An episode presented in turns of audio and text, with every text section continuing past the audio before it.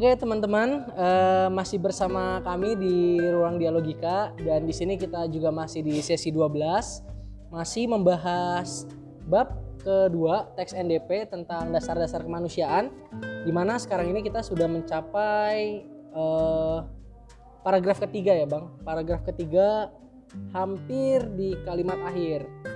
Oke, eh, mungkin teman-teman juga bisa mengkaleidoskop atau bisa mereview ulang nih video-video kita yang sebelum-sebelumnya gitu di YouTube ataupun di Spotify kita. Oke, akan kita lanjutkan di sini. Jadi eh, yang akan kita bahas itu kali ini teksnya Bang di dalam dan melalui amal perbuatan yang berperi kemanusiaan atau fitrah sesuai dengan tuntutan hati nurani manusia mengecap kebahagiaan dan sebaliknya di dalam dan melalui amal perbuatan yang tidak berperi, berperi kemanusiaan atau jihad ia menderita kepedihan. Ya, jadi ma uh, kita menemukan penegasan ya di kalimat ini. Ber apa peri kemanusiaan itu kata Cak Nur dalam kurung ya kan hmm. fitrah ses, fitrah yang sesuai dengan tuntutan hati nurani ya iya jadi yang namanya pri kemanusiaan hmm. ya kan itu adalah aktivitas fitrah manusia sesuai dengan hati, hati nurani. nurani kalau diperjelas lagi yaitu bahwa segala kerja nah segala kerja manusia yang sesuai atau mengarah pada kebenaran, kebaikan, kesucian. Gitu, ya kan? Karena itu tugas manusia adalah menegakkan kebenaran, ya kan? Meneg, apa apa me, menegakkan keadilan, me, menegakkan kebenaran dan terus juga menyebarkan kebaikan dan terus juga menegakkan nilai-nilai kesucian. Hmm. Gitu. Jadi jadi tiga itu itu adalah dasar dari perikemanusiaan. Jadi tidak bisa yang namanya manusia itu netral ya. Ya kan kita netral kalau ada konflik ada apa, ya kan? Kalau kecuali kita tidak tahu sebab musababnya. Kita tidak kita tidak tahu blur gitu ya. Ya kan karena sudah jadi proksi antar berbagai pihak sudah bertarung. Tapi kalau secara akal sehat kita sudah jernih melihatnya, kita harus pasti punya pembelaan. Gitu. Jadi nggak bisa kita pengen disebut baik, kanan kiri oke okay, ya enggak hmm. ya kan? Kita tidak mau berpihak. Padahal enggak karena yang namanya peri kemanusiaan itu justru adalah pemihakan kepada orang yang tidak mendapatkan kebaik kebenaran ya kan? Artinya dia dizolimi ya kan? Dan terus dia itu juga dapatkan kesusahan ketidakadilan karena itu dia tidak mendapatkan kebaikan ya kan? Dan terus dia selalu dapatkan hal-hal yang buruk gitu loh. Karena dia dieksploitasi dijajah dirampas ya enggak sehingga nilai-nilai kesucian dia terampas. Nah itulah yang harus kita perjuangkan. Jadi amal jadi di dalam dan melalui amal perbuatan yang berperi kemanusiaan manusia mengecap kebahagiaan. Berarti mau bentuknya itu susah ya enggak mau menderita segala macam. Ketika selama itu mengandung kebenaran benar nggak ini? Nah gitu loh. Dan terus pasti hasilnya baik nggak ya nggak? Bukan di prosesnya tapi tujuannya baik nggak? Dan ini mensucikan saya nggak? Ya maka dia akan jalani. Hmm. misalnya puasa. Ya. ya kan? Ibadah puasa itu menderita. Hmm. ya nggak? Nahan menahan diri dari hmm, dari hal-hal yang ya. boleh ya. Iya. ini jadi bukan karena yang bukan yang dilarang. Menahan diri dari hal-hal yang boleh saja itu penderitaan. Ya kan? Tapi dia tahu tapi dia tahu ini benar. Ya nggak? Dan terus baik.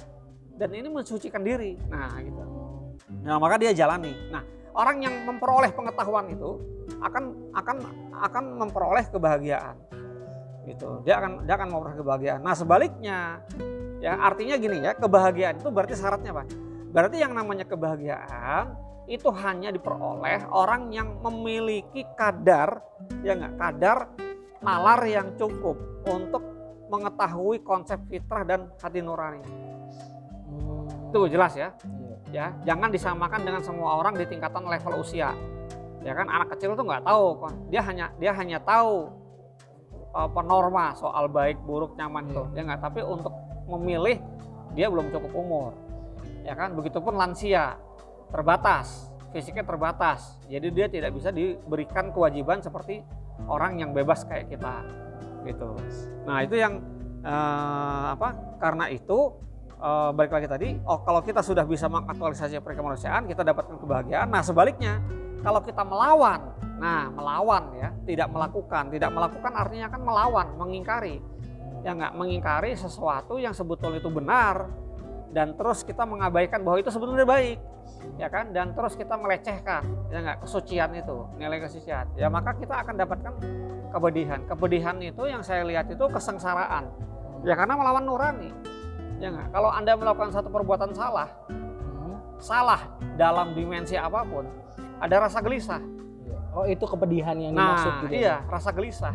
Oh. Rasa gelisah itu ada rasa menolak diri kan. ini salah nih, ini enggak benar nih. Gitu, menyesal, rasa gelisah ya. Berbuat salah pasti ada penyesalan. Penyesalan berarti apa? Karena kita sudah tahu konsep baik benar salah. Baik buruk itu kita tahu. Hmm. Tapi karena ini terus dibiasakan, ya kan? Maka kita terus berusaha untuk menumpulkan nurani kita. Jadi cahaya yang ngasih sinyal eh lo salah nih yeah. nah itu di kita tumpulkan. Ah, redup lah ya. nah kita redupkan kalau yeah. dalam bahasa Imam Ghazali itu nurani ini tertutupi oleh debu-debu. Tadinya tuh sensornya sensitif. Yeah. ngelihat segala sesuatu yang jelek atau buruk tuh sensitif. Tapi karena lama-lama dikasih debu dikit dikit dikit. Lama-lama jadi tumpul Makanya kita sering hati orang yang kejam, biadab, hati nuraninya tumpul. Nah, itu proses kayak gitu. Berarti ya kembali lagi sebenarnya eh, pri kemanusiaan itu ya memang udah ada di dalam diri manusia ya, Bang. Tetapi ya. hal itu bisa apa ya kita anggap mengikis lah ya lama-lama mengikis mengikis mengikis karena memang sudah menjadi kebiasaan gitu dalam diri manusia itu sendiri. Ya, pri kemanusiaan itu hanya bisa dihilangkan dengan pembenaran. Dan pembenaran itu adalah hasil dari ketega apa hasil dari upaya menutupi nurani. Ya dengan kebiasaan-kebiasaan buruk. Gitu. Ya kan? Sama kayak sama kayak anda ngerokok hmm. di WC hmm. ya kan? Itu aktivitas enak kan? Ya nggak? Yeah. di WC merokok menghayal tuh. Nah gitu tuh Padahal kita tahu WC itu sempit, udaranya terbatas. Jadi Anda rebutan antara asap rokok dengan udara dengan oksigen. dengan iya dengan oksigen. Itu. Tapi karena Anda harus nikmati, ini pasti enak. Ini pasti bikin inspirasi. Ini pasti ketemu apalah segala macam ini. Nah, ya nggak lama-lama penderitaan itu jadi nah jadi menurut jadi Anda anggap baik. Oh, Padahal iya. tuh ada tadi kepedihan. Berarti di sini masuk nih bang yang tadi konsep uh, bang Andi itu jelasin bahwa bukan masalah proses gitu ya, tetapi ya. hasil itu sendiri gitu ya bang. Karena tadi kita bisa ngelihat contohnya ketika kita puasa uh, bahwa puasa itu merupakan suatu hal yang memang ya kita itu tidak melakukan hal yang dibolehkan gitu, tetapi kita tahu bahwa hasilnya itu adalah kebaikan gitu. Ya. Nah di satu sisi uh, tadi Bang Andito menjelaskan bahwa kayak merokok di WC yang memang sempit gitu, terbatas udaranya itu merupakan suatu kenikmatan, tetapi pada akhirnya hal tersebut itu bukanlah merupakan suatu hal yang baik gitu kan ya, Bang? Iya. Contohnya kayak kita sejak kecil itu dikasih makanan terus-menerus. Enak kan? Enak. Enak, ya kan? Tapi kita tidak di tapi kita tidak diajak dan tidak diajarkan untuk bergerak. Hasilnya apa? Obesitas. Obesitas dan nggak ke mana-mana. Hmm. Jadi menderita. Betul nggak? Menderita Betul. gitu Jadi artinya apa? Kenapa? Karena dia hanya ingin kebaikannya saja. Bukan benar. Dia hanya ingin baiknya saja. Padahal kalau dia itu sudah pada padahal kalau dia sudah cukup uh, fisiknya untuk belajar merangkak, berdiri segala macam kan harus diajar ya itu menderita loh. Kan iya. jadi capek. Iya, belum jadi lagi dia jatuh ah, baru iya, jatuh. iya. gitu. Nah tapi yang menarik adalah coba teman-teman perhatikan. Anak kecil itu uh, murni ya. Nah mungkin karena masih murni. Hmm. meskipun dia sakit dia nikmati karena dia tahu. Karena dia tahu gitu. Dia nggak, iya. saya ini nggak apa-apa jatuh-jatuh, tapi kalau bisa lari, wah orang tua saya menangis.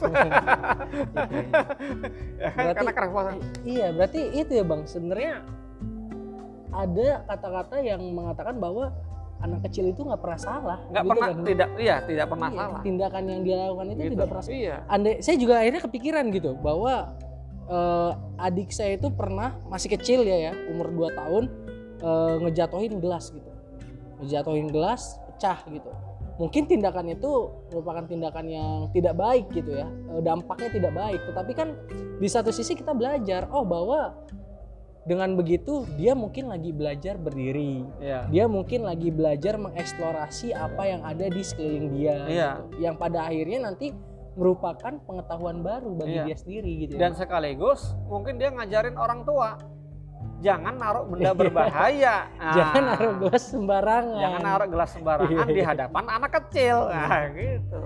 Iya, iya, iya. Gitu, ya kan? Jadi itu uh, apa anak kecil banyak ngajarkan kita ya hal-hal yang ya kan kalau kita niatnya jahat, anak kecil tuh bisa merasakan energi jahat kegelapan tuh di kita. Ya gak? Kalau kalau ada orang yang ramah, baik, dia juga merasa pembawaan juga enak Ya, mungkin kesimpulan kali ini bang. Oke. Okay. Dalam waktu satu menit kali ya. Oke. Okay.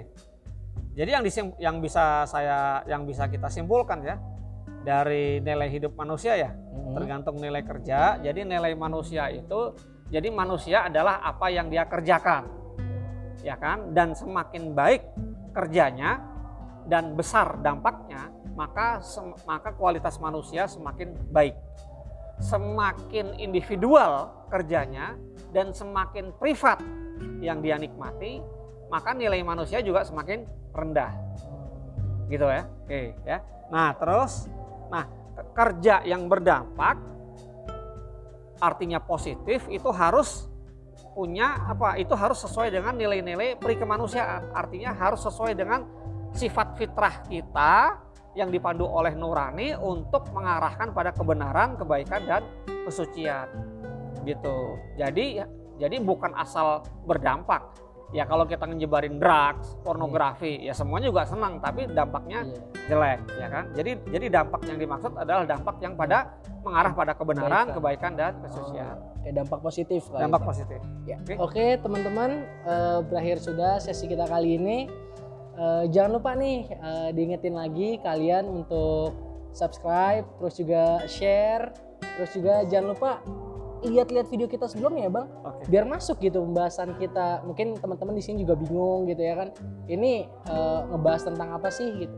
Nah kita udah ada nih teman-teman Spotify. Jadi kalian bisa ikutin dari sesi pertama kita ya bang. Udah beberapa bulan lalu sampai sesi kemarin sesi ke-11 itu juga udah kita upload di uh, di YouTube teman-teman. Jadi jangan lupa buat pantengin aja nih Spotify kita dan juga YouTube kita gitu.